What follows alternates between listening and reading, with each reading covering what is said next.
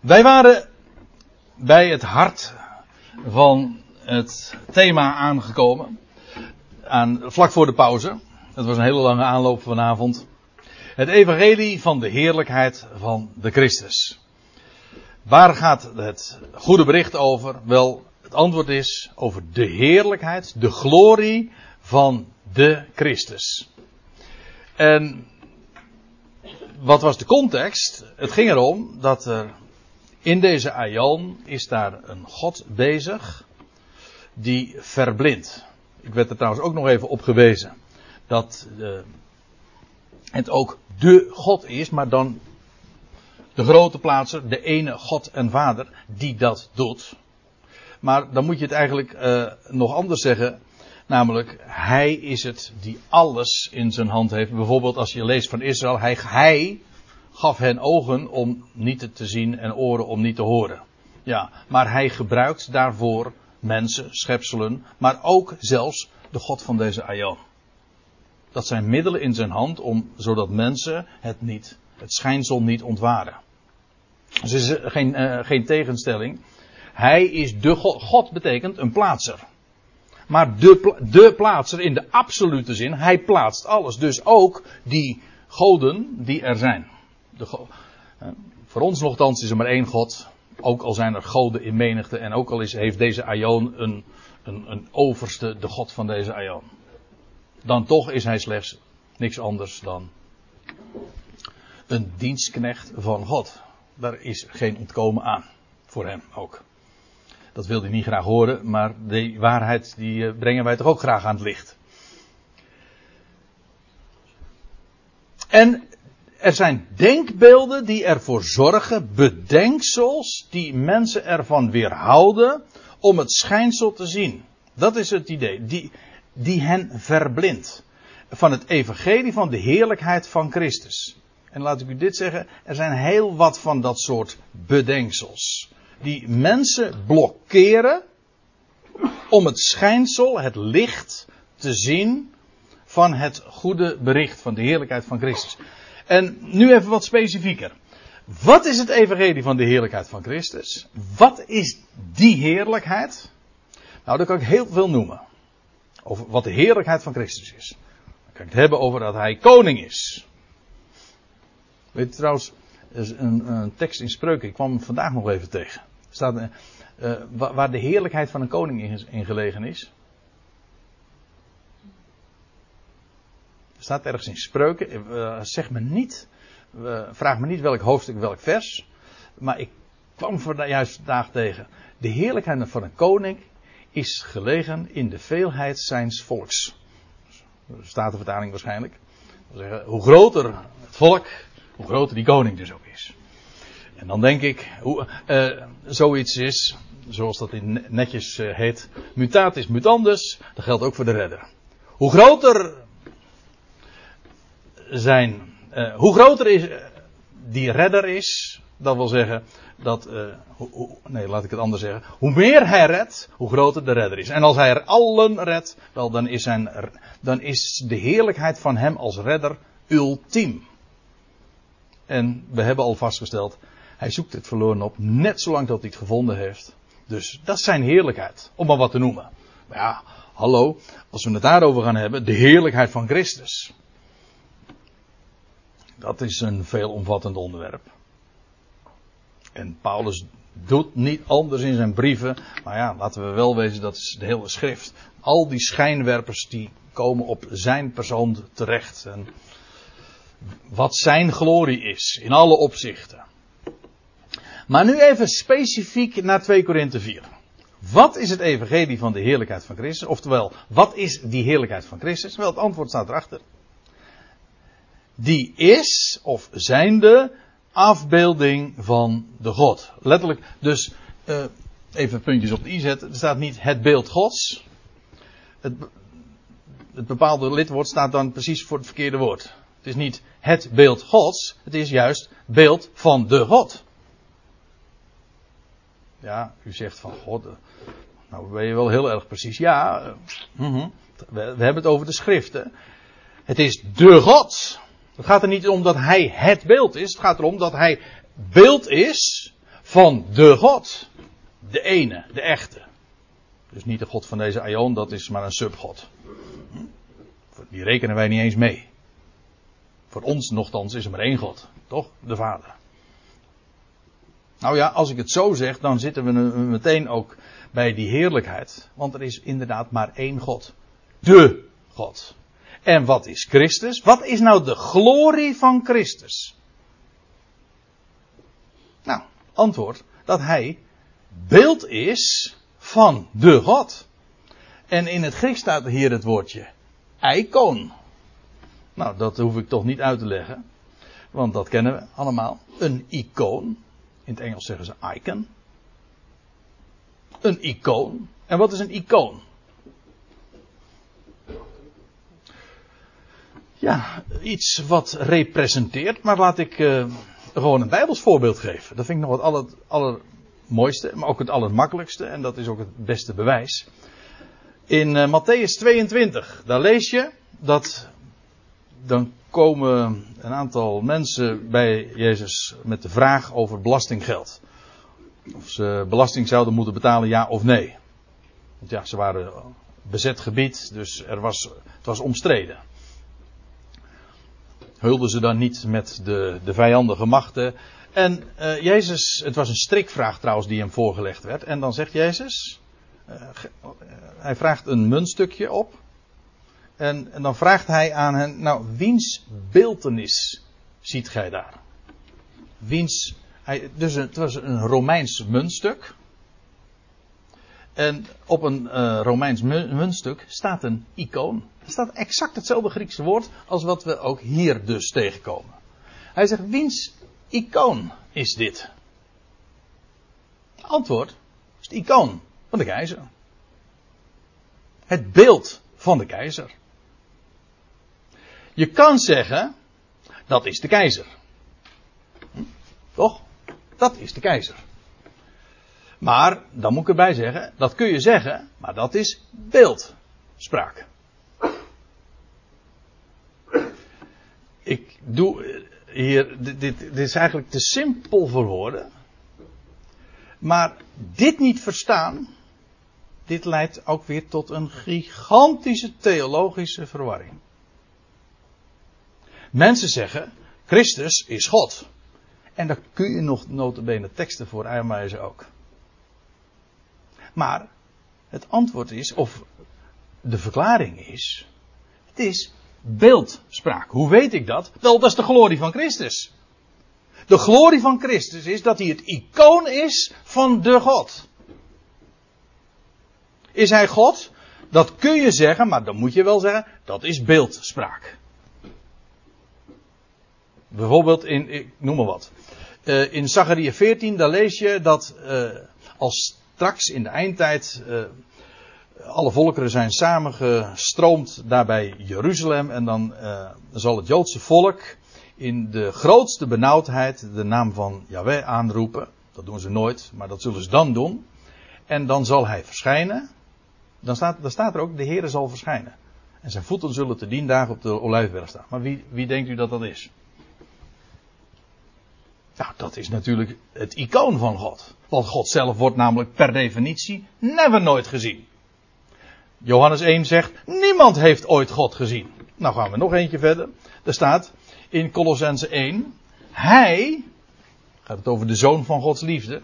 Dus Colossense 1 vers 13 trouwens, die uitdrukking. De zoon van Gods liefde. Hij is het beeld, ook hier staat niet beeld, uh, het beeld, maar hij is icoon gaat er niet om dat hij het, het icoon is. Hij is icoon van de God. De onzichtbare. De MBG zegt dan het beeld van de onzichtbare God. Nee, even precies. Hij is icoon van de God. En wie is die God? Wel, dat is de onzichtbare. Niemand heeft ooit God gezien. En voor zover hij gezien wordt, dan is dat zijn icoon de discipelen vroegen, toon ons de Vader. En dan zegt de Heer Jezus, wie mij gezien heeft, heeft de Vader gezien. Ook dat is weer beeldspraak, want hij is niet de Vader, maar hij representeert de Vader. Dat is heel simpele beeldspraak. Op, op het moment dat je in de eh, ja, daar kun je echt mee de mist ingaan. Gigantisch. En weet je wat je dan krijgt? Dan krijg je een hele doctrine van de drie-eenheid. Dan zeg je van, oh, maar de Bijbel zegt er is één God. De Vader. Maar dat kan niet, want Jezus Christus wordt bij bepaalde gelegenheden ook God genoemd. Dus, er zijn er twee. Twee personen. En dan krijg je één wezen, drie personen. En dan zeggen ze God de Vader, God de Zoon. Allemaal terminologie. Dat zijn woorden van menselijke wijsheid. En hoe komt dat? Omdat men het evangelie van de heerlijkheid van Christus niet ziet. Men weet niet dat hij icoon is van de God. Als men dat zou weten, dan zou men dat soort doctrines niet uh, uh, bedenken. Maar die leerstellingen, die dogma's, die systema systematiseerde geloofsleer, of wat er voor door moet gaan, dat weerhoudt ervan om het, de heerlijkheid van Christus te zien. De heerlijkheid van Christus is dat hij icoon is van de onzienlijke God. De eerstgeborene, dat wil zeggen de eerste, de eerste in rangorde van elk schepsel. Dat is weer een andere uitdrukking, dat, dat parkeer ik nu even. Het gaat me nu uiteraard even om het feit dat hij icoon is van God. En dat is zo belangrijk. Er is maar één God. De God. En God is de onzichtbare. En wie is Christus wel? Hij is icoon van de God. Hij is dus niet God zelf. Op het moment dat je zegt hij is God zelf, dan is God dus niet meer de onzichtbare. Dan heb je ook niet één God, de Vader. Dan heb je meerdere goden. En dat is precies ook wat elke. Dat is grappig, hè? Christenen zien dat niet. Ze zitten zo in dat web dat ze dat niet eens inzien. Maar uh, iedere buitenstaander die weet dat.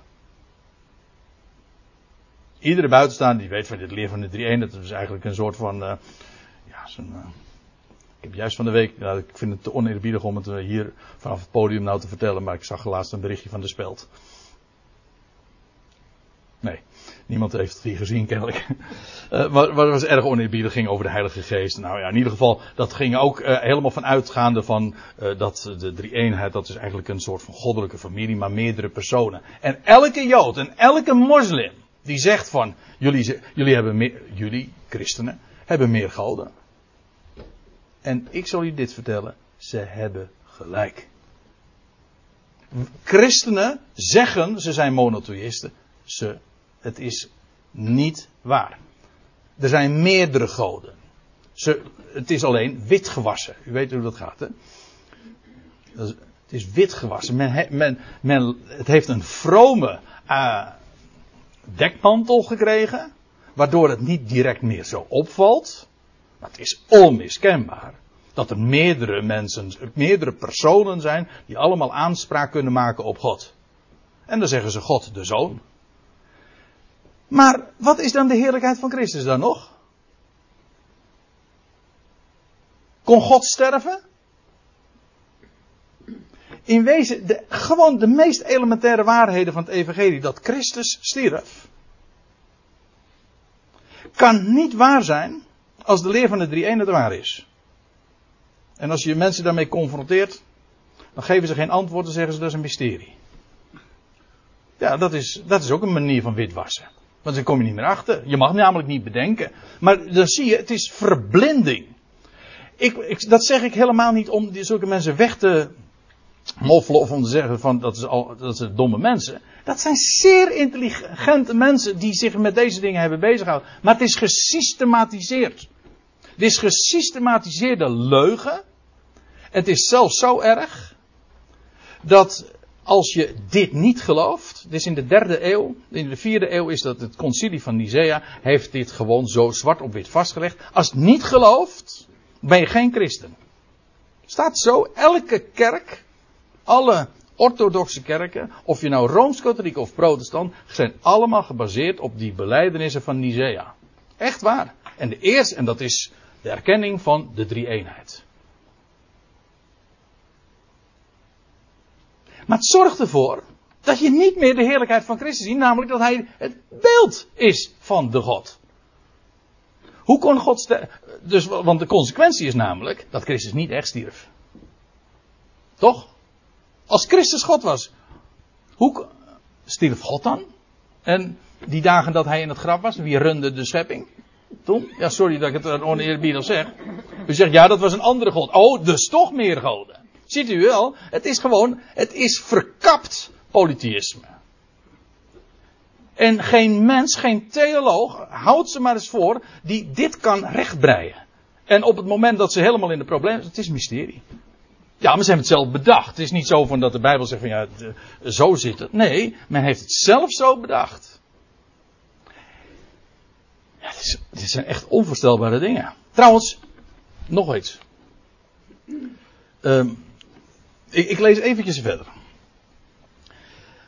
Paulus zegt dan, wij, want we wij prediken niet onszelf. Want niet onszelf herauten wij. Paulus, het ging niet om de mens. Het ging ook niet om hemzelf of uh, hem als, als herauter. Heel, uh, hoe zeg je dat? Herauter? Ja. Ja. Ja, ja als, als heraut, ja, precies, ja. ja. Iemand die heraut is een heraut, geen herauter. Dat is, dat is onzin. Ja, dankjewel.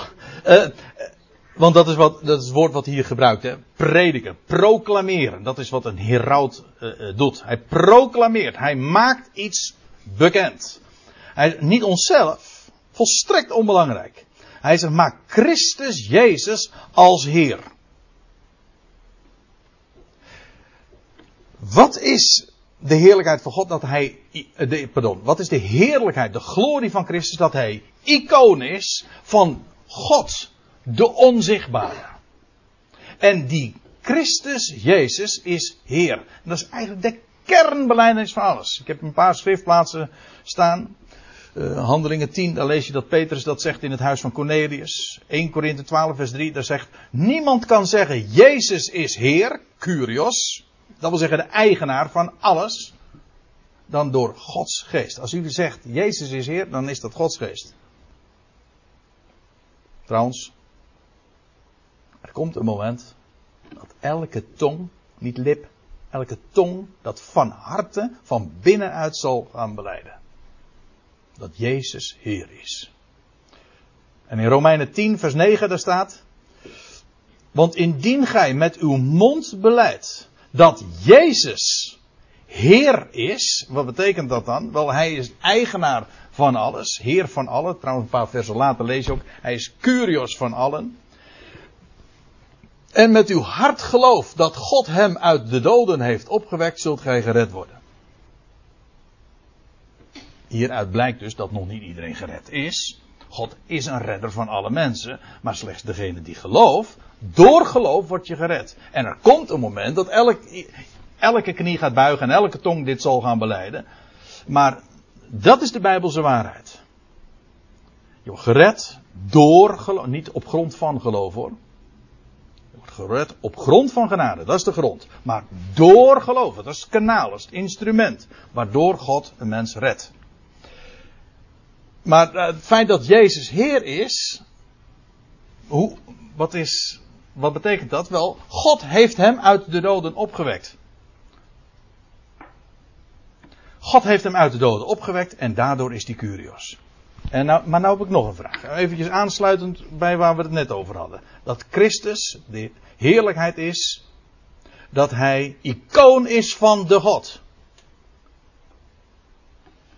Hoe mag u mij uh, een antwoord geven? Nou ja, ik weet niet uh, of u dat durft. Of als u mij durft tegenspreken. Maar, uh, daar hoeft u helemaal trouwens hier geen held voor te zijn hoor. Maar even gewoon. hoe zou je van harte kunnen geloven dat God hem, Jezus, uit de doden heeft opgewekt, als je gelooft dat Jezus zelf God is. Als Jezus zelf God was, of is, kun je dan van harte geloven dat God hem uit de doden heeft opgewekt? Nee, dat kan niet. A, hij kon dan niet echt sterven. Maar bovendien, hij, kon, hij had het ook niet nodig dat een ander hem uit de doden zou moeten opwekken. Want, trouwens, en er zijn paasliederen, de officiële versie zelfs luidt zo. Hij steeg uit graf. Hè, de, het lied van de. Uh, wat is die ook? Daar juicht een toon, daar klinkt de stem. Dat officiële, de oorspronkelijke versie heb ik me laten vertellen. Ik heb hem wel bewerkt. Ik zing hem graag, maar dan wel uh, goed, uh, betrouwbaar.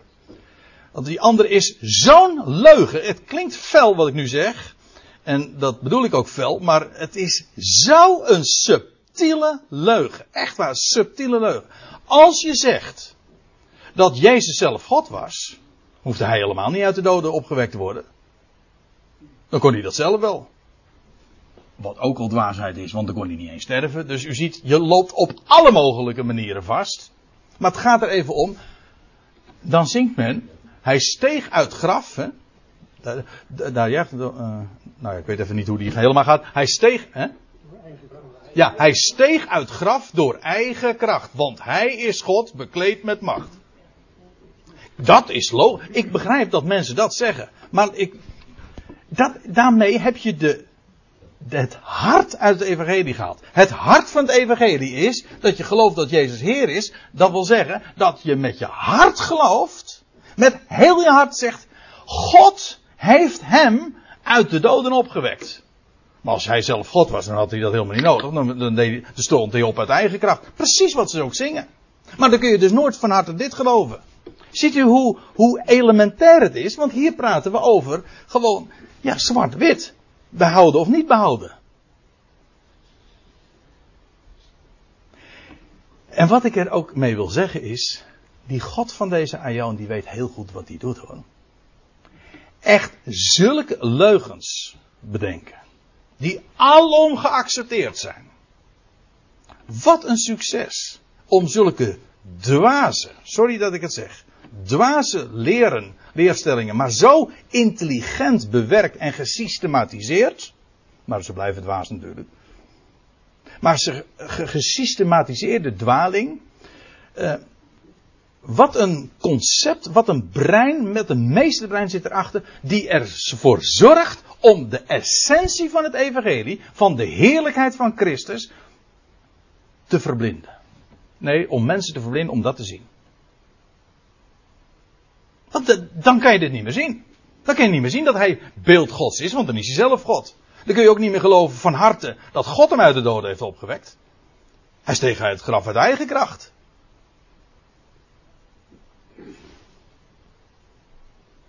En als God, en laat ik het anders zeggen, als God hem niet had opgewekt, dan had hij nu nog dood geweest. En de waarheid is, wat, wat, de heer, wat Paulus ook zegt in 1 Timotheus 2, want er is één God. En ook één middelaar van, van God en mensen. De mens, Christus Jezus. Die zichzelf gegeven heeft tot een losprijs voor allen. En ik ben hiertoe, zegt Paulus, gesteld als een apostel en leermeester van natie. Ik spreek waarheid, geen leugen. Kortom, om deze dingen te vertellen. Eén God, één middelaar, de mens Christus Jezus, losprijs voor allen. Maar ziet u de, hoe ik nou in een paar zinnetjes uh, allerlei doctrines, leerstellingen, dog, dogmatiek, hè, gesystematiseerde geloofsleer, uh, omverhaal. Staat er haaks op. Ze blinderen. Ze zorgen ervoor dat het evangelie van de heerlijkheid van Christus niet gezien kan worden. Geen kwestie van intelligentie, het is een kwestie van verblinding. Het zorgt ervoor dat het niet gezien kan worden. Er zit, er zit heel veel aan vast. We praten dus vanavond eigenlijk helemaal over een schitterend onderwerp. De heerlijkheid van Christus. Ja, wat is er geweldiger om over te spreken dan dit. Maar ook de verblinding om ons heen. En laat je hier ook niet door, uh, door uh, inpakken. En ik wil ook gewoon, ja, ik zeg het vanavond heel zwart-wit. Maar ik kan, ik kan er niet ontkomen om, om, om het zo inderdaad naar voren te brengen. Het gaat er niet om mooie verhalen te vertellen. Ik vertel vanavond geen leuk verhaal, want u zegt, ja, goh, maar wat een verblinding dan zeg. Als u nu naar huis gaat en zegt van, nou, ik had, ik had niet gedacht dat de verblinding in, in, onze christelijk in onze christelijke wereld zo fataal was. Als, als, als nu vanavond naar voren is gekomen. Is dat gezellig? Nee, het is geen gezellige boodschap.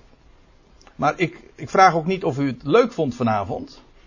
Ik vraag, oh, nee, dat meen ik serieus. Ik vraag, is het waar of is het niet waar? Dat is de enige vraag die bepalend is. Of het een gezellige avond, als u het gezellig vond, dan zeg ik mooi. Maar dat is totaal niet waar het om gaat. Is het waar of is het niet waar? Het evangelie van de heerlijkheid van Christus. Namelijk dat hij icoon van de God is. Uh, ja, ik, ik, nog even verder. Uh, wij herauten niet onszelf, maar Christus Jezus als Heer. En onszelf, zegt Paulus dan, als uw dienaren, letterlijk als slaven van jullie. Dat wil zeggen, Paulus, dat is op zich een heel opmerkelijk woord. Uh, want meestal zegt hij een slaaf van Christus. Maar hij zegt, ik ben slaaf van jullie. Zijn hele boodschap was onderworpen. Ging, het ging niet om hemzelf, maar hij was volkomen ondergeschikt aan de belangen van de Corinthiërs. Om hen te dienen met namelijk de waarheid. Niet met hun sentiment, niet met hun gevoel, maar met de waarheid. Om Jezus wil. Van, letterlijk vanwege Jezus. Het feit dat hij niet zegt Jezus Christus, dat komt omdat hij ook nu verwijst naar hem die zich onderwierp. Hier op aarde, in onderschikking, in vernedering. Want, zegt hij, de God die gesproken heeft. Nou, ik kan zo een aantal plaatsen zo noemen uh, waar dat zo staat. De God die gesproken heeft, licht schijnen uit de duister. Letterlijk staat het zo in de Septuagint-versie van Jobs uh, eh, 37, vers 15. Maar uh, andere verwijzingen staan ook in Genesis 1, vers 3, meteen al de, de eerste bladzijde van de Bijbel. Er zij licht. Jesaja 9, volk dat in donkerheid wandelt, dat is wel een mooie in dit verband. Het volk dat in donkerheid wandelt zal een groot licht zien. Licht uit de duisternis. Want ja, de God schept de duisternis, maar ook het licht. Dus Jezaja 45, vers 7. De God die gesproken heeft, licht schijnen uit de duister, heeft het doen schijnen. Hier wordt een feit gesteld. Het is een aorist. Niet, het gaat er niet om dat het gebeurd is. Het gaat erom feit onbepaald. Hij doet het schijnen in onze harten. Om ons te verlichten met de kennis. Letterlijk staat er met het oog op de verlichting, niet met de kennis, maar van de kennis. Dat wil zeggen, die kennis wordt in het licht gesteld. De kennis, ja, welke kennis? Dat is de volgende zin. Maar de kennis wordt in het licht gesteld. Dat is waar het Paulus om, het, om ging.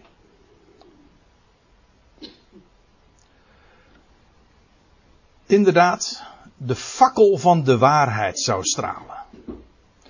Om te verlichten met de kennis, en nou hebben we hem weer, en dan zijn we eigenlijk bij een min of meer dezelfde waarheid die we ook in vers 4 al zagen. Het evangelie van de heerlijkheid Gods, die icoon is van de God. En hier staat er de kennis van de heerlijkheid van de God.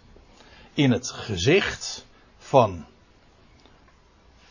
Jezus Christus, dat u ziet, dit staat er eigenlijk niet in de grondtekst, in het aangezicht van Christus. Ja, het is de God. En hoe, hoe kunnen we die heerlijkheid van God kennen? Want God is de onzichtbare wel. Het straalt in het aangezicht van Christus. Onbedekt. Dat is wat, uh, wat Paulus nu juist in de, al die voorgaande versen en passages naar voren heeft gebracht.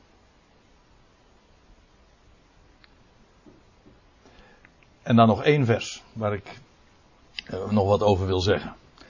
En dan zegt Paulus dit. Het lijkt me een, een mooie wijze ook om uh, een overweging om mee af te sluiten. Daar staat, maar wij, zegt Paulus dan, hebben deze schat, en die, met die schat, daar bedoelt hij deze, deze heerlijkheid, deze kennis. Maar dat is een schat. Hij, hij noemt het een schat. Ja, het is, het is licht, het is heerlijkheid, het is zo'n enorme schat. Wij hebben deze schat, zegt hij, in aardevaten. Dat wil zeggen in, in, in gebruiksvoorwerpen van aardewerk, maar dat zijn dus gewoon kruiken. En ik heb een, ja, die wil, die wil ik u niet onthouden. Er is namelijk een heel mooi gedeelte in de Bijbel dat daar ook letterlijk zo over spreekt. Over licht in kruiken. Ik ik ken heel wat uh, geschiedenis in de Bijbel van aardevaten waar wat die gevuld moesten worden met water en dan werd het wijn. Ik ken ook aardevaten die gevuld moesten worden met olie. Er gebeuren altijd wonderlijke dingen mee.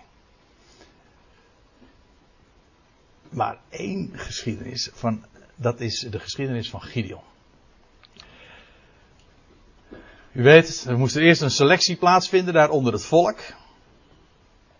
Want God uh, wilde niet het leger te groot hebben. Er was een overmacht aan Midianieten. En eerst werd het leger eerst heel klein gemaakt. Zo, waarom? Wel, de mens moest zwak wezen.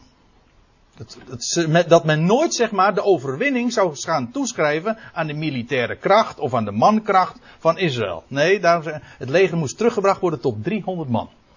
Een Gideonsbende, hè, noemen we dat dan. En maar weet u, de details van die geschiedenis, dan lees je hoe dat dan, uh, wat er gebeurde. Ik ga niet hele, het hele verhaal vertellen, want het, de tijd ontbreekt me. En dan lees je dat Gideon iets doet. Toen verdeelde hij, Gideon, de 300 man in drie groepen. Hij gaf hun alle horens en lege kruiken. Aardevaten dus. U weet waar de mens uh, een beeld van uh, is, hè? wij hebben, als Paulus zegt, wij hebben een schat in aardevaten, dan bedoelt hij gewoon dit lichaam. Dit is een aardevat, breekbaar. Ook leeg, ijdel. Dat is uh, niet negatief, maar dat is juist precies wat de bedoeling ook is. Dat je leeg bent van jezelf. Ja, een, een, een, als je een kruik koopt, dan, dan is het juist toch de bedoeling dat, je, dat die leeg is. Waarom? Zodat de eigenaar hem kan vullen. Met water of weet ik veel wat, met een borst bloemen. Of wijn, of. Ja, weet je, dat maakt niet uit. Het gaat erom, die eigenaar, die, je koopt een kruik om die kruik, zodat de eigenaar hem voor zijn doeleinden gaat vullen. lege kruiken.